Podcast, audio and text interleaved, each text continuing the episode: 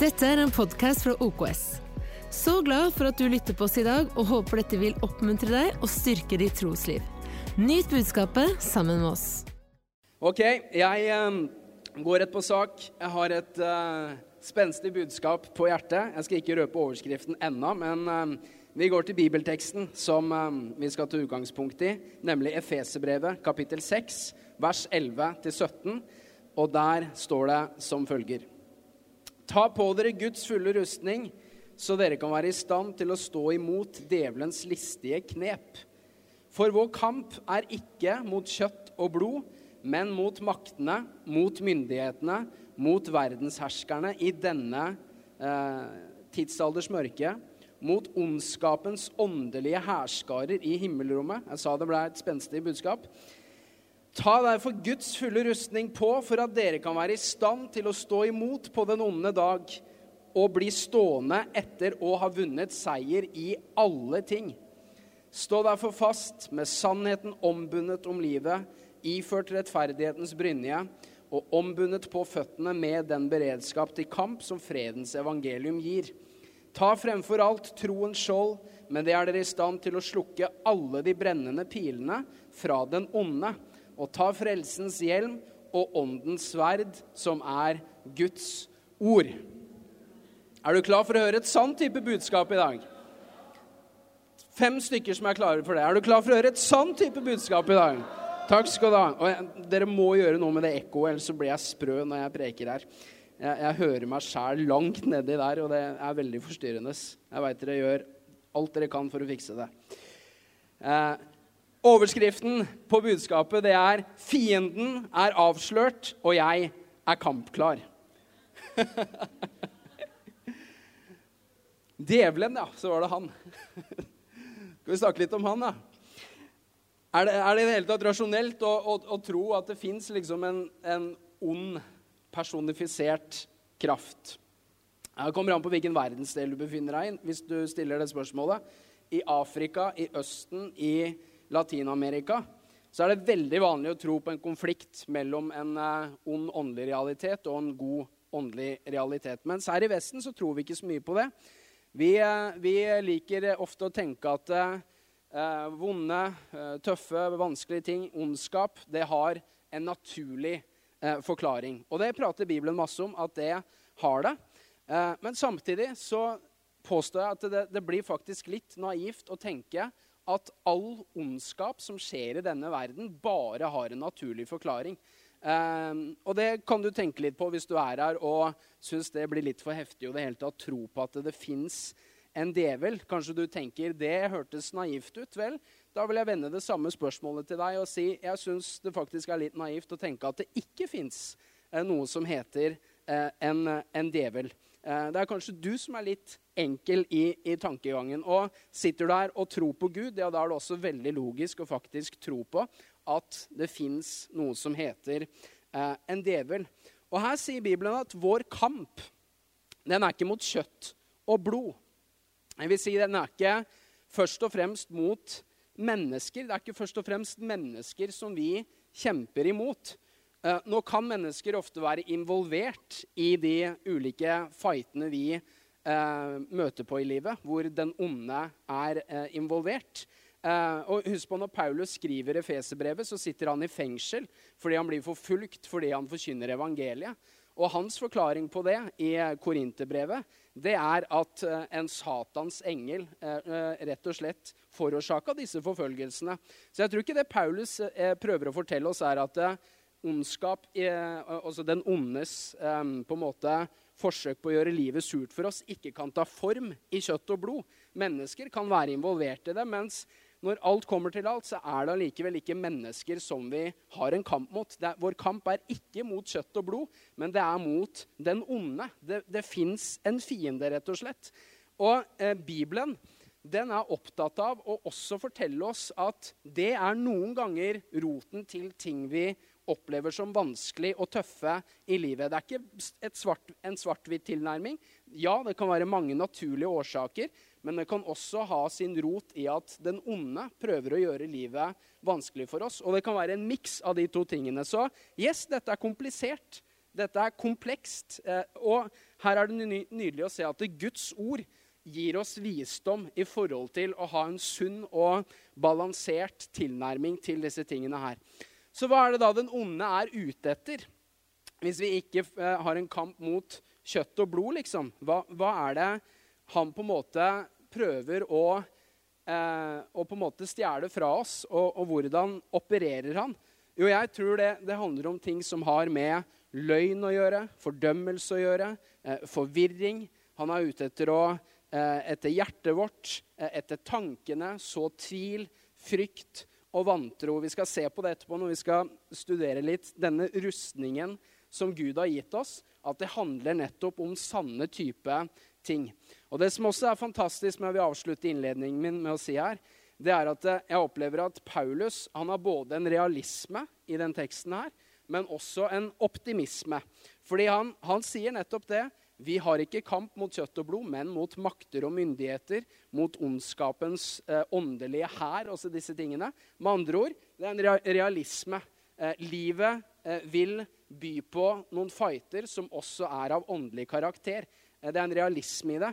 Men så ser du, Paulus blir ikke pessimistisk, han er også veldig optimistisk. For rett etter at han har sagt at vi ikke har en kamp mot kjøtt og blod, men mot maktene og myndighetene, så sier han ta derfor på Guds fulle rustning, så dere kan eh, gjøre motstand på den onde dag og bli stående og vinne seier i alle ting. Så han er veldig realistisk i forhold til hvordan dette livet er. Men han er også trosfylt og optimistisk i forhold til at du kommer igjennom det hvis du tar på deg denne Guds fulle rustning. Og du ser også at Paulus han sier eh, f.eks. at vi med troens skjold kan slukke alle de brennende pilene som kommer fra eh, den onde. Altså, de slukkes. Og det at noe slukkes, det reflekterer at noen ganger så kan det også ta litt tid å komme ut av den fighten man står i. Eh, det er ikke bare liksom å blåse på et lys, og så ble det slukka. Liksom, en, en, sånn quick fix. Nei, noen ganger så kan det ta tid å komme seg ut av en fight man står i. Men Guds ord det lover oss at med troens skjold så er vi i stand til å slukke hvor mange piler? Vi kan slukke alle de brennende pilene. Men de slukkes. Med andre ord, det er en realisme i det. Det betyr det kan ta tid noen ganger å komme seg ut av det. Men Guds ord lover oss at vi kommer oss ut av det. Og budskapet her, det er at eh, fienden er avslørt, og jeg er kampklar. Og La oss se litt på det første her, nemlig at fienden er avslørt. Punkt nummer én å avsløre metodeia diabolos. Og hva i all verden betyr det? Å avsløre metodeia diabolos. Jo, Efeserbrevet 6,11 sier, ta på dere Guds fulle rustning, så dere kan være i stand til å stå imot djevelens listige knep. Har du vært utsatt for noen knep i det siste? Knask eller knep, liksom? Er det halloween han snakker om? Nei, det er ikke det. Stå imot djevelens listige knep. Vet, eh, det nye testamentet er skrevet på gresk. og Hvis vi ser ordene Paulus bruker der, så står det faktisk der hvor det står 'djevelens listige knep', så står det 'metodeia diabolos'. Og metodeia det er det ordet som oversettes her med 'listige knep'. Men hva betyr egentlig det, det ordet? Jo, kan du høre hvilket norsk ord som kommer ut fra det greske 'metodeia'? Jo, metoder. Og det ordet det kan også bety strategi, rett og slett. Så det Paulus sier her, det er at vi skal være i stand til å stå imot den ondes metoder og den, den ondes strategier. Og I 2. Korinterbrev 2 vers 11 så sier Paulus noe veldig interessant. nå. Han sier at eh, han, han, gir en, en, formaning til menigheten. Jeg skal straks forklare konteksten her. Og så avslutter han den veiledningen eh, i forhold til det han hjelper dem med, med å si dette for at Satan ikke skulle overliste oss. For hva han har i sinne, er vi ikke uvitende om. Det er et interessant vers. Altså Her sier Guds ord at det går an å ikke være uvitende om hva den onde har i sinne. Med andre ord, det går an å bli kjent med hans metodeia. Det går an å lære seg hans metoder og hans strategier. Og Jeg har ikke en, eh, ikke en ambisjon om å prøve å forklare alle mulige strenger den onde spiller på. Men jeg skal si noe om det. Og jeg tror at bare den teksten vi leser her, den hjelper oss til å skjønne litt. Hvordan virker den onde, liksom? Kommer han med høygaffel og horn i panna og sier 'Bø, nå skal jeg ta deg', liksom? Er det, er det sånn han virker? Nei, hvis, hvis vi f.eks. leser 2. Korinterbrev 2 vers 11, sammenhengen det der står i, hvor Paulus da formaner menigheten. Vet du hva han prater om? Han snakker om at menigheten skal tilgi en person som har oppført seg på en uh, meget krenkende måte i menigheten. Og så sier han til hele menigheten han skal dere tilgi, etc., etc. Og så avslutter han med å si tilgi han for at Satan ikke skal overliste dere. For det hva han har i sinnet, det er vi ikke uvitende om. Så hvilken kontekst snakker Bibelen her om at den onde kan overliste oss? Jeg skal forklare også hva overliste betyr. Jo, det, det snakkes ikke om i forhold til at, han, at djevelen kommer liksom veldig sånn åpenbart med høygaffelen sin og Hæ, nå tar jeg deg, liksom. Nei. Det snakkes om i forhold til utilgivelse. Det, og det har med bitterhet å gjøre. Det har med hardhet å gjøre. Og så sier Paulus til menigheten at vi må tilgi ham, sånn at den onde ikke overlister oss. For hva han har i sinne, det er vi ikke uvitende om. Og hva, hva, vil det si at den onde overlister? Det er ikke et ord som jeg heller bruker, verken knep eller overliste. Det er sånne ord som jeg bruker veldig mye i hverdagen. Så hva, hva betyr disse ordene? Jo, overlyste. Det betyr å utnytte en situasjon. Det betyr å ta fordel av noe. Det betyr å ta noe til inntekt for sin egen fordel. Så hva er det Paulus sier her? Jo, han peker på at han sier til menigheten i Korint hvis vi ikke tilgir, med andre ord hvis vi bærer på utilgivelse, det, det blir bittert, det blir hardt, det er noe som den onde kan ta fordel av og utnytte til sin fordel, som er å gjøre livet surt for deg. Det er det han sier. Og jeg hørte, jeg hørte noen forklare disse tingene her med å, med å snakke om altså En som skulle forklare hvordan virker den onde. Jeg tror det fins masse å si om det. Men, men, jeg hørte en person forklare det sånn her. At hvis du ser for deg et piano, du åpner pianoet, og så synger du en tone inn i pianoet, så er det sånn at den tonen du synger, de strengene som er tuna inn på de samme tonene, de vil begynne å vibrere inni pianoet. Så du, direkte rører du ikke strengene, men indirekte så rører du strengene. Fordi den responderer på den tonen som synges inn i pianoet. Og så sa, og så sa predikanten som jeg hørte eh, preke, litt sånn er det den onde opererer. Han ikke på en måte direkte kommer og, og tar deg, men han spiller på strenger som fins i deg allerede. Og her snakker, her snakker Paulus om at det, det å tilgi og ikke gjøre det, det kan være noe som den onde rett og slett kan bruke til sin fordel. Og i Efeserbrevet eh, 4, vers 26-27 så sier Paulus.: Blir dere sinte, så synd ikke, og la ikke solen gå ned over deres vrede. Og så kommer den litt spesielle setningen Gi ikke djevelen rom. Og kan du se igjen? Paulus prater om dette med hvordan den onde opererer, med noe som har med sinne å gjøre. Er det noen som har vært sint før? Bra du er ærlig. Jeg har vært sint noen ganger. Og hvorfor blir vi sinte? Jo, fordi vi opplever skuffelser. Vi blir såra. Vi blir urettferdig behandla. Og Bibelen sier her blir du sint. Med andre ord, det, det, er, det er, bra noen ganger å, å, blåse litt ut. Noen mener faktisk at det står 'bli sinte', men synd ikke. Altså med andre ord, Du oppfordres til å blåse litt ut, men pass på så ikke du blåser så mye ut. For, for da kan du synde. Med andre ord, Da kan du gjøre noe som du ikke skulle gjøre. Og så legger Paulus til og sier, 'Gi ikke djevelen rom'. Med andre ord, eh, usunn sinne kan være en sånn streng som den onde kan spille på. Det kan være noe som han kan overliste deg med og bruke til sin fordel. Og hva er det jeg prøver å, å sette ord på her? Jo, en annen illustrasjon. Du vet, Enten det er å bære på bitterhet og hardhet, eller om det er at man bærer på sinne, så er det Det kan sammenlignes litt med at du får et naturlig stikksår. Noen kommer og sårer deg, rett og slett. Stikker deg. Så se for deg du, du blir stikket med en syl eller et eller annet. Og du, det gjør vondt, og du blør, du er såra. Og hva skjer hvis man ikke behandler det stikksåret? Hvis man ikke kommer seg til legevakta eller til sykehuset og får behandla det. Hva skjer etter hvert? Jo, det går infeksjon i det.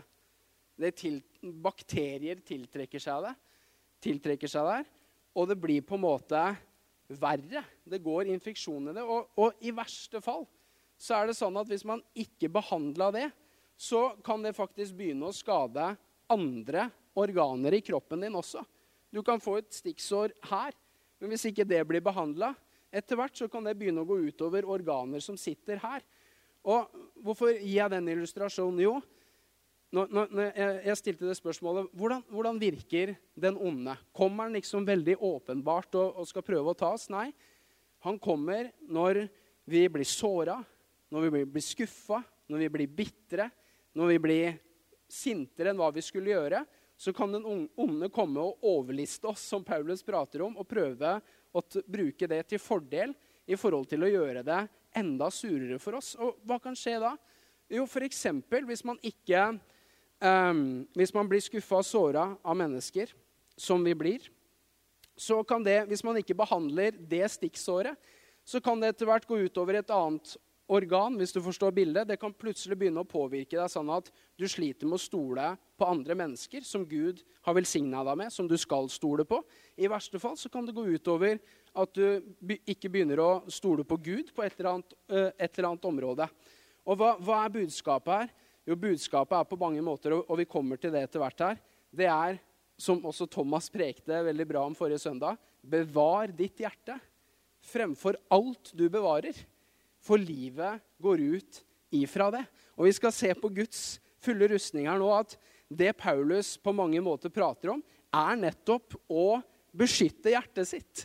Det er å bevare hjertet sitt ut ifra ditt personlige liv med Gud, som gjør at når vi møter på ulike stikksår i livet, enten det er stikk vi gir oss selv eller andre gir, så får vi hjelp og visdom fra Guds ord til å lege det og beskytte hjertet, sånn at det ikke går infeksjon i det og påvirker andre områder i livet.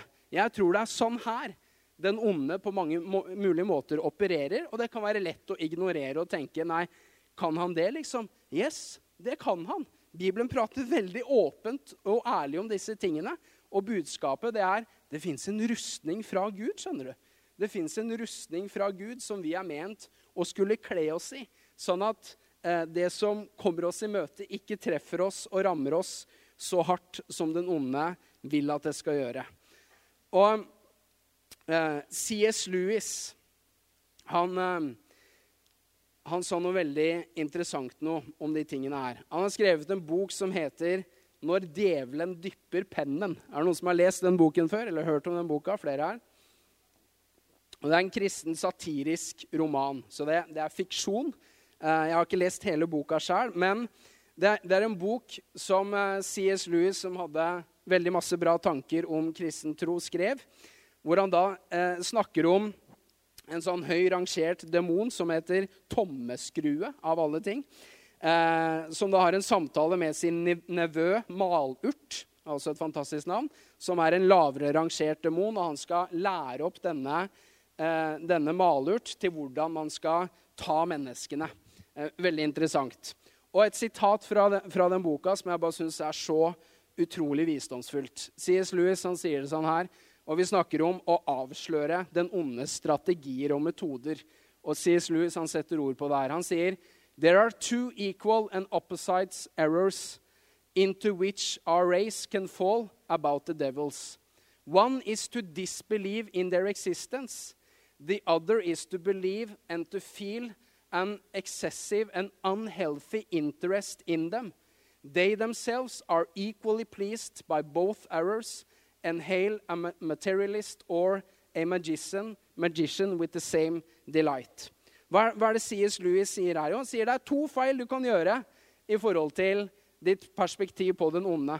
Det ene det er at du krediterer han for mye makt. Du blir usunt opptatt av han. Det er den ene grøfta. Mens den andre grøfta det er at du ikke tror at han eksisterer i det hele tatt. Og vet du hva? Paulus han sier bare med andre ord de samme tingene i teksten som vi leste her. Eh, Efeserbrevet 6 og vers 12-13.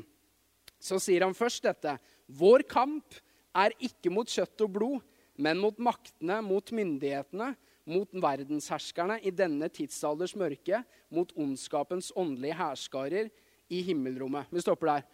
Jeg vet ikke med er, men Noen ganger så jeg lurer på Paulus, hvorfor må du bruke så himla kraftfulle ord? Kan du ikke bare si vi har eh, en fiende som heter djevelen, og han eh, prøver å gjøre livet surt for oss? Det høres så mye mer lettere å håndtere, liksom. Må du bruke sånne voldsomme ord? Og vet du hva jeg tror noe av poenget hans er? Det er å vise oss at vi skal ikke undervurdere at han eksisterer. Vi, skal ikke undervurdere. Det er, det er med andre ord krefter i det. Eh, men så tror jeg i neste setning, når han prøver å fortelle, først forteller han oss ikke undervurder han, så tror jeg neste sannhet er men heller ikke overvurdere han. For hva sier han rett etter at han har sagt at vår kamp er mot disse tingene? Jo, da fortsetter han med å si i vers 13.: Ta derfor Guds fulle rustning på, for at dere kan være i stand til å stå imot på den onde dag, og bli stående etter å ha vunnet seier i alle ting. Så Paulus sier først ikke, over, nei, ikke undervurdere han, men så sier han også men heller ikke overvurdere han. Eh, og jeg tror Guds ord gir oss masse visdom i forhold til hvordan håndtere de tingene her. Og Paulus han fortsetter. Og Vi går til punkt to, nemlig å snakke om Guds fulle rustning. Hvordan tar vi på oss den? Det er også et spørsmål som jeg har stilt meg mange ganger når jeg har lest den teksten. Er, hvordan tar jeg på meg denne rustningen? Fordi når man liksom leser om de tingene her Belte, sko, skjold, sverd, brynje sånn, Åh, det hørtes mye ut. Og hvordan gjør jeg det? liksom? Det kan nesten høres ut som det blir sånn veldig teknikk. liksom. Hva, hva, handler de tingene her om? Og For det første så er det sånn at når menigheten i Efesus når de hørte om de tingene her, så skjønte de metaforen til Paulus med en gang. For det Paulus han prater om rustningen til en romersk solat. Det er det han prater om. Og Efesus befant seg i det romerske riket. Hver dag så, så de solater som gikk rundt på gatene med denne rustningen på, så de skjønte metaforen eh, med en gang. Og Paulus han sier, han sier, det sånn her Ta på dere Guds fulle rustning eh, for at dere kan være i stand til å stå imot på den onde dag og å bli stående etter å ha vunnet seier i alle ting. Legg merke til hva han sier, og hva han ikke sier. Paulus sier ikke 'når den onde dagen kommer', da må du gå og finne fram rustningen din og ta på deg den. Nei, det er ikke det han sier. Han sier 'ikle deg Guds fulle rustning', sånn at du er i stand til å stå imot når den onde dagen kommer. Og det er på, én måte, selv om jeg har et trøstens ord til deg som kan ha falt i den, den snaren. Men på en måte er det litt for seint å gå og hente rustningen sin når krigen er i gang. Ingen soldater på den tida her av de romerske soldatene gjorde det. Så hva er budskapet? Jo, som du har hørt oss snakke mange ganger om, det er i fredstider vi bygger styrke. Det er i fredstider du ruster deg opp til kamp. Og jeg, jeg skal si noe som kan trøste deg som kanskje ikke har gjort det, for dette glipper for oss alle sammen. Men, men her er visdommen som kommer fra Guds ord. Det er at det her med å ha på seg Guds fulle rustning, det er ikke noe vi først og fremst skal tenke på når det blåser rundt ørene på oss. Nei, det handler om en rytme og en vane i ditt gudsliv. skjønner du. Det handler om et, et rytmisk inntak av Guds ord. For hvordan tar vi på oss denne rustningen? Og jeg tror vi, vi går glipp av åpenbaringen her hvis vi tenker at det er en veldig sånn teknisk ting vi skal gjøre. Liksom, ja, hjelmen og beltet og brynja og sverd. Og så blir det veldig sånn metodisk. Nei, jeg tror det Paulus forteller oss, det er at summen av mitt og ditt hverdagsliv med Gud, summen av vårt daglig inntak av Guds ord, det resulterer i at du er ikledd en rustning som gjør at når den onde dagen kommer For det, den kommer noen ganger. Det kommer en ond dag noen ganger, men når den kommer, ja, da er du i stand til å stå imot den onde dagen, og du vinner seier over alle ting. Og la meg bevise det for deg. Selve grammatikken i språkbruket til Paulus i Efesbrevet 6, det er ikke 'gå og ta på deg'. Nei, det snakkes om noe du har gjort. Du er ikledd, du er ombundet. Du har allerede tatt, tatt det på deg. Så budskapet hans er ikke når, når den onde dagen kommer, løp og hent rustningen din. Nei, du skal være ikledd den sånn at du er istandsatt til å stå imot den onde dagen når den kommer. Så hele grammatikken reflekterer at dette er noe som vi først og fremst kommer ifra. Vi kommer fra fred i møte med kaos. Vi, yes, vi, oi sann. Nå fikk vi i hvert fall slutta det bråket der. Nei, det har blitt bedre. Det forsvant i stad. Nei, bud, budskapet her er Yes, vi har en kamp, men vet du hva budskapet er også? Vi ikke bare går inn i en kamp, men vi kommer fra en kamp, nemlig en kamp som allerede er vunnet på våres vegne, nemlig Jesu død og oppstandelse. Og hele rustningen her, den reflekterer nemlig evangeliet. Den reflekterer seieren som Jesus allerede har vunnet for oss, og som vi skal stå planta i daglig. Og bare La meg bevise det for deg her at det er ikke en teknikk Paulus prater om her. Han snakker om ditt personlige gudsliv, som er ment å skulle ha en rytme. Fordi disse soldatene, når de skulle ta på seg denne rustningen, som Paulus tross alt henspeiler på her, når han underviser oss om å ikle oss Guds fulle rustning, så snakker han om, det første han snakker om, det er ta sannhetens belte om livet, sier han. Men belte, liksom, hva, hva, hva betyr det? Og egentlig er det litt dårlig oversatt, fordi Beltet til en romersk soldat det var et fundament som han tok på seg først. Og det var en sånn fundamental rustning som var det første han tok på seg, som dekka knærne. Det dekka låret, sånn at ikke noe sverd eller spyd eller piler kunne komme her. Og det dekka hele overkroppen. Og det fungerte som et fundament som man kunne henge brynja si på, og som han kunne henge sverdet sitt på, og som også gjorde at når han skulle ut i kampen og slåss, så kunne han ta kappa si og folde den og legge den i dette beltet, sånn at ikke han vikla seg inn i noe merkelige greier og snubla og, og gikk på trynet og tapte kampen. Og Paulus han bruker det bildet her og sier, 'Ta på deg sannhetens belte'. Og hva, hva er det for noe? Jo, jeg tror det helt enkelt og greit er det er Guds ord. For Guds ord er sannheten. Guds ord er det som formidler sannheten til oss. Guds ord er fundamentet vårt. Eh, og det beltet her, det var noe som soldaten tok på seg hver eneste dag. Det var en rutine for han.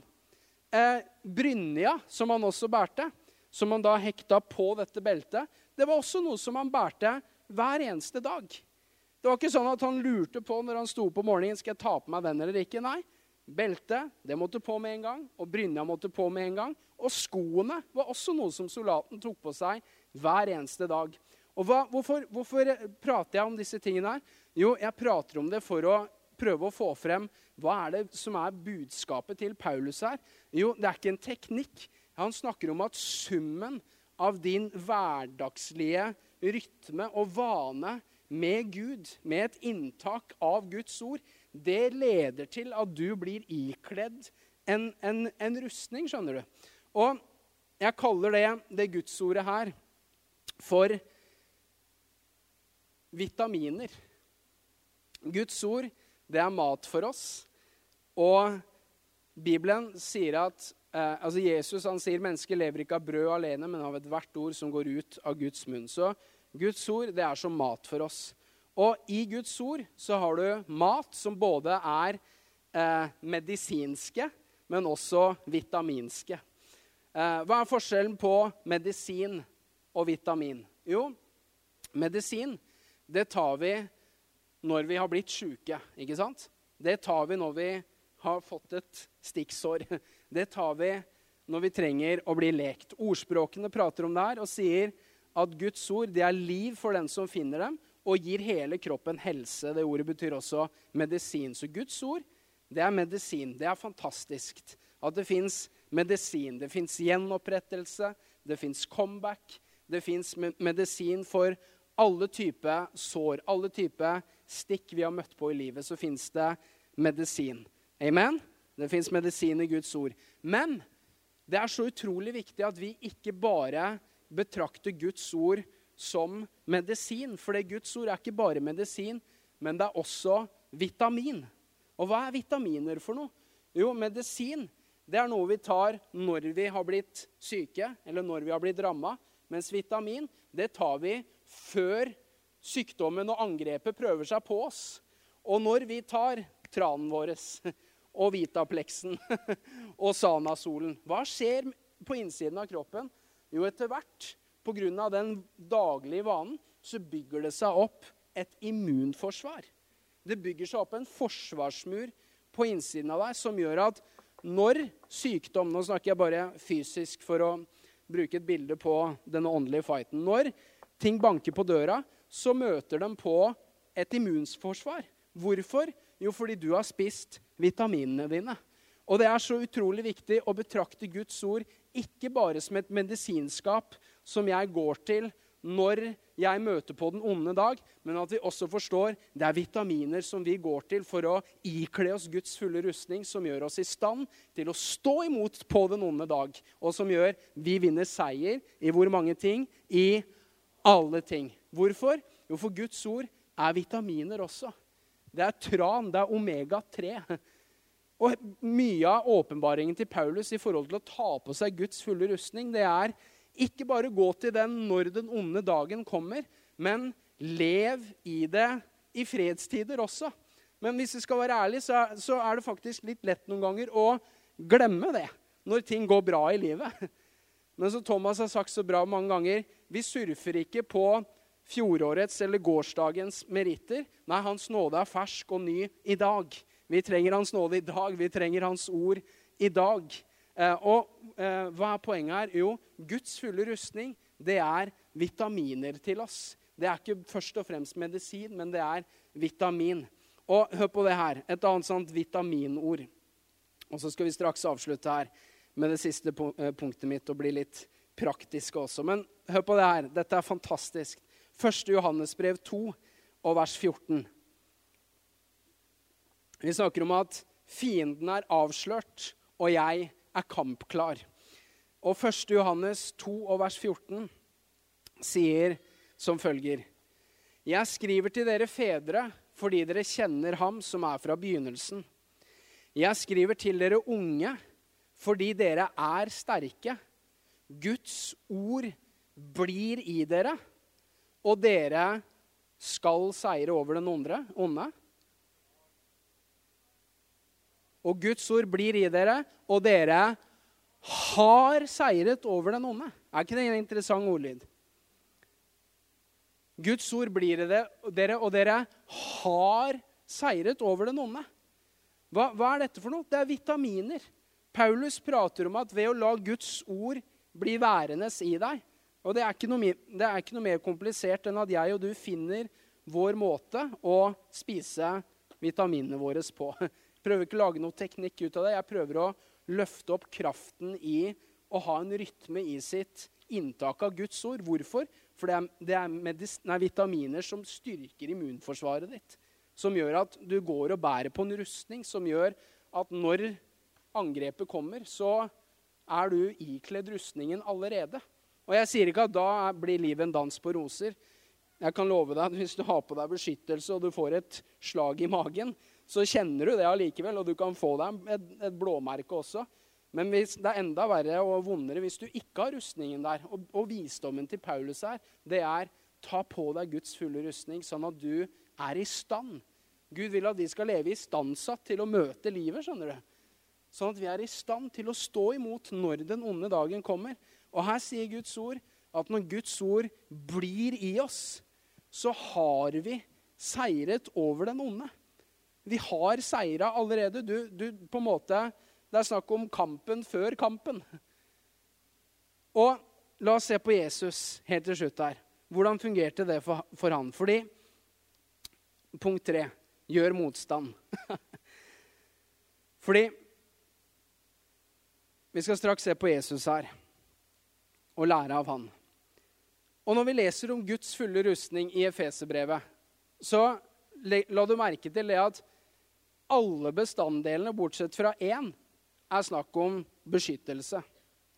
Han snakker om hjelmen, han snakker om skjoldet, han snakker om den, dette beltet som jeg forklarte, og han snakker om eh, brynja. Alle disse tingene har med beskyttelse å gjøre. Men så er det også ett våpen vi har fått i den rustningen. Og hva, hva er det for noe? Jo, det står ta også, eh, ta også åndens sverd, som er Guds ord.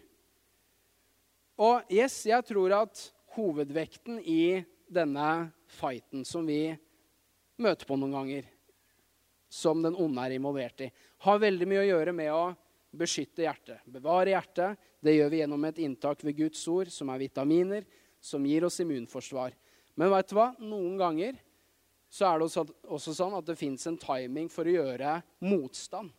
Og ikke bare stå og leve i den beskyttelsen, men å faktisk ta i bruk det våpenet du også har fått, som er Bibelen sammenligner som et sverd. Du har også ment å skulle gjøre motstand. Og la oss bare helt til slutt se på Jesus, hvordan han gjør det her. Fordi Jesus opplevde også å bli eh, Og opplevde også å møte på den onde. Opplevde også at djevelen prøvde å gjøre livet surt for han. Og det står det om i Matteus 4, vers 1-11. Så står det Jesus ble så av ånden ført ut i ødemarken for å fristes av djevelen. Han fastet i 40 dager og 40 netter og ble til slutt sulten. Da kom fristeren til ham og sa, 'Er du Guds sønn?' så si at disse steinene skal bli til brød. Jesus svarte, det står skrevet. Mennesket lever ikke bare av brød, men av ethvert ord som kommer fra Guds munn.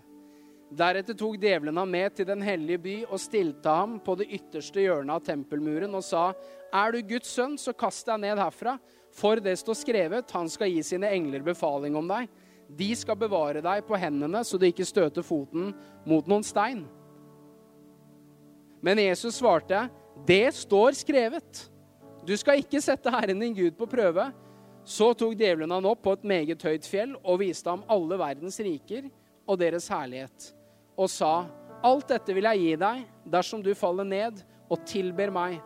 Da sa Jesus til han, 'Bort fra meg, Satan, for det er skrevet, Herren din Gud skal du tilbe, og bare ham skal du tjene.'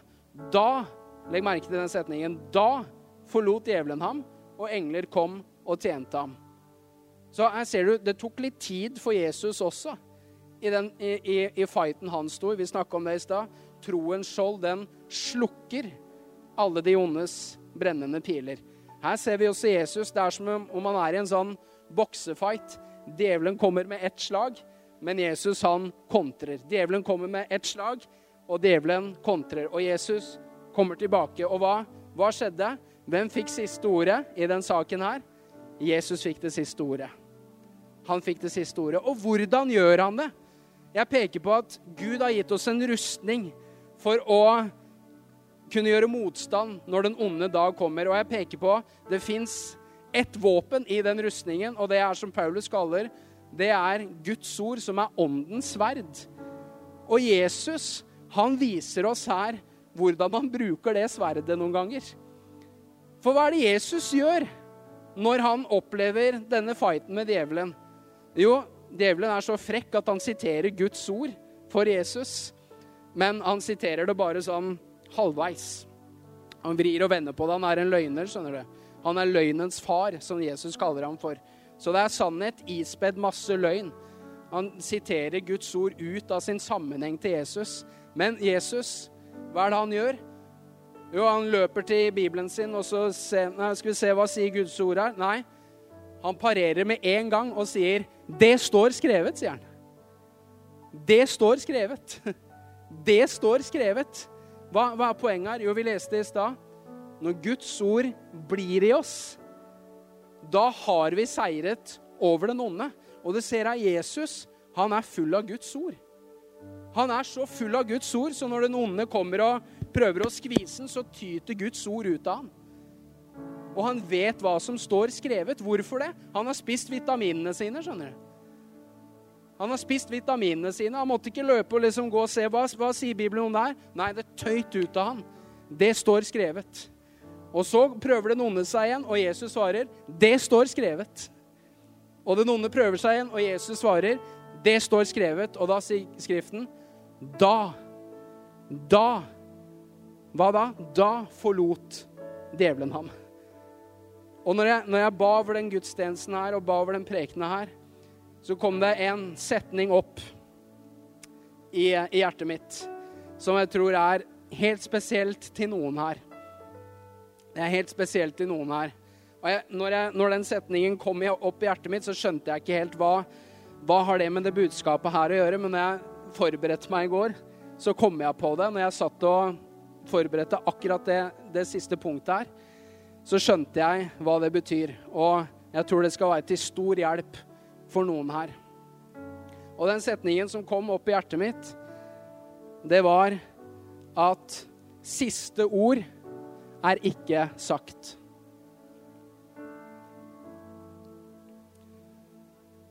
Hør her, du som, du som er, i en, er i bokseringen med den onde. Du kjenner deg igjen i det jeg beskriver her. Siste ord er ikke sagt. La det synke inn i hjertet ditt. Siste ord er ikke sagt. Siste ord er ikke sagt i din fight. Siste ord er ikke sagt i den kampen du står i. For hvem er det som har det siste ordet? Hvilket ord er det som alltid står fast? Hvilket ord er det som er evig? Hvilket ord er det som er uforanderlig? Hvilket ord er det som ingen djevel, ingen menneske kan rokke ved? Jo, det er Guds ord. Det står skrevet.